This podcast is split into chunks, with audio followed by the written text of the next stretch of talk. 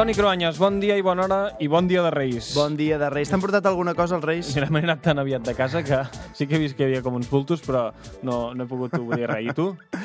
Bé, sí, jo també. M'han portat uns paquets bastant grans, els paquets. Els has obert ja o encara no? Ja els he obert, sí. Molt bé, després ens explicaràs. Després t'ho explico.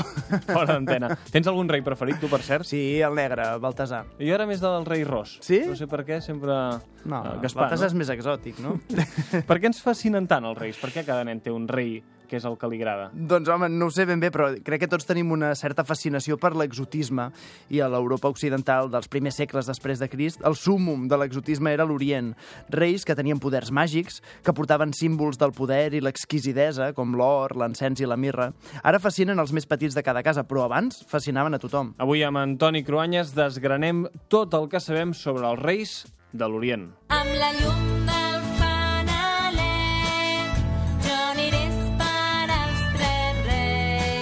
Realment no va ser un fanalet el que va guiar els reis, ens ho explicava aquest eh, matí abans de les 8 en Joan Anton Català, va ser un senyal del cel. De fet, va ser una estrella. Sí, o, o potser un cometa, o l'explosió d'una estrella, no ho sabem del cert, però segons la tradició cristiana, l'anunciació que havia arribat al Messies, el Salvador, el fill de Déu, va donar el senyal perquè anessin fins a Betlem autoritats d'arreu del món conegut. L'única font oficial acceptada per totes les esglésies cristianes, eh, Toni, és el que diu l'Evangeli de Sant Mateu.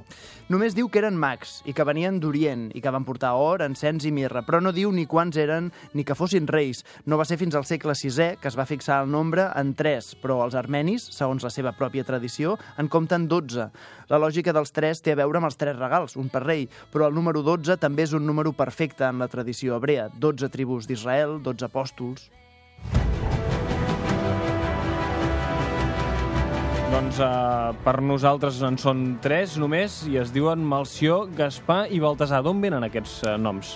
La primera vegada que se'ls atribueix aquests noms és en un mosaic de Ràvena, al segle VI, en què apareixen vestits a l'estil persa i tots tres representen edats diferents, un vell, un de mitjana edat i un de jove. De fet, no és fins al segle XV que el rei Baltasar no se'l representa clarament com algú de pell negra.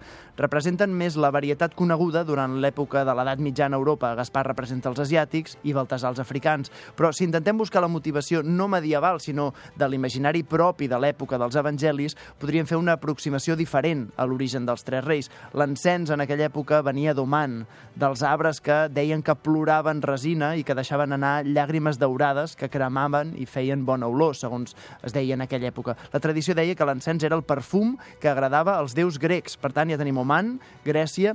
També, segons els beduïns d'Aràbia, deien que Gaspar era d'Oman. Sobre l'origen de l'or, això és més difícil de calibrar perquè ja en aquella època podia venir de molts llocs, potser de la rica Pèrsia, que és l'actual Iran. El que m'estàs dient és que no sabem amb gaire precisió d'on venen els reis i que en cada moment ens ho hem anat adaptant una mica com hem pogut, eh? Mm, sí, la veritat és que no ho sabem. Una tradició diu que l'apòstol Sant Tomàs els va trobar al Iemen i els va batejar, i que van arribar a ser bisbes. La paraula mag prové del persa i volia dir sacerdot. De fet, allà, a Pèrsia, eren una casta de sacerdots que estudiaven les estrelles en el seu desig de buscar a Déu. Per tant, lligaria amb la història. O sigui, Toni, que el que m'estàs dient és que els reis al final podrien venir de Pèrsia. Potser sí, però encara és més desconcertant l'aportació sobre aquest tema que va fer prou recentment el papa Benet XVI, que en un llibre sobre Jesús, publicat l'any 2012, va interpretar que els reis potser no venien de l'Orient, sinó de totes bandes, inclòs l'extrem occident, de Tartesis, a la península Ibèrica, que era el lloc més occidental que es coneixia en l'època de Jesús. Alguns potser ho recordareu, però fins i tot amb el llibre del papa Ratzinger hi va haver qui en va fer una mica de conya, perquè van dir que havia dit que els reis d'Orient, de fet, eren andalusos, però no.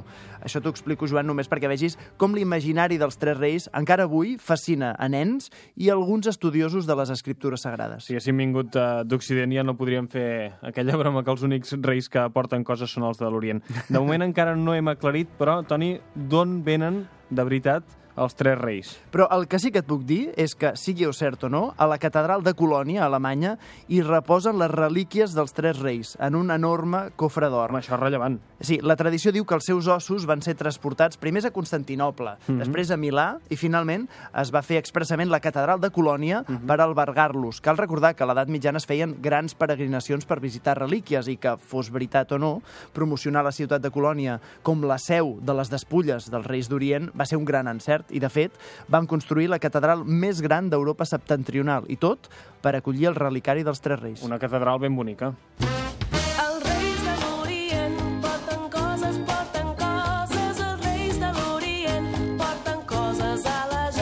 Escolta, Toni, per què nosaltres celebrem els reis aquests que porten coses a la gent, sobretot als nens, però en canvi no ho celebren a la majoria dels altres països eh, de tradició cristiana? Doncs perquè aquesta és una tradició molt recent i molt espanyola, a més. Va ser al segle XIX que es va convertir la tradició de la nit de l'Epifania en una festa infantil, amb regal per als nens, imitant el que en altres països del nord es feia el dia de Nadal, en homenatge a Sant Nicolau, el Pare Noel. O sigui que abans no hi havia ni cavalcades, ni es feien reis, ni res?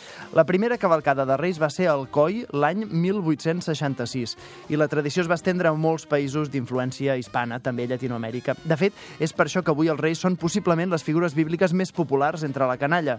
A banda que els pares les utilitzen per premiar o per castigar els fills, com en el cas del tió, els pares recorden als nens que els Reis ho veuen tot i saben si han fet bondat durant l'any. I realment són una bona advertència pels nens i nenes eh, des de fa bastants anys, eh? Sí, mira, per exemple, al meu poble, Canet de Mar, hi ha un llibre escrit el 1880 per un historiador local, Magí Xiqués, que en plena explicació romàntica i llegendària dels orígens de Canet de Mar hi fa sortir els tres reis d'Orient, al costat de la història del castell del poble, de Santa Florentina, o de pirates que atacaven la costa. Tot, tot per donar una pàtina de tradició i de misticisme a la nostra pròpia història. O aquests dies que he tingut a les mans el llibre de contes que Oriol Junqueras ha escrit per als seus fills, Lluc i Joana, en un conte que el, mateix Junqueras va escriure a la presó d'Estremera ara fa un any, els hi explica la història del seu poble, de Sant Vicenç dels Horts, i també hi fa referència als Reis d'Orient, i és que tot un historiador com Junqueras sap que la millor manera que els seus fills segueixin les explicacions sobre la romanització de Catalunya o dels pobles ibers, el millor reclam és fer referència als Reis d'Orient. Jo vull ser rei.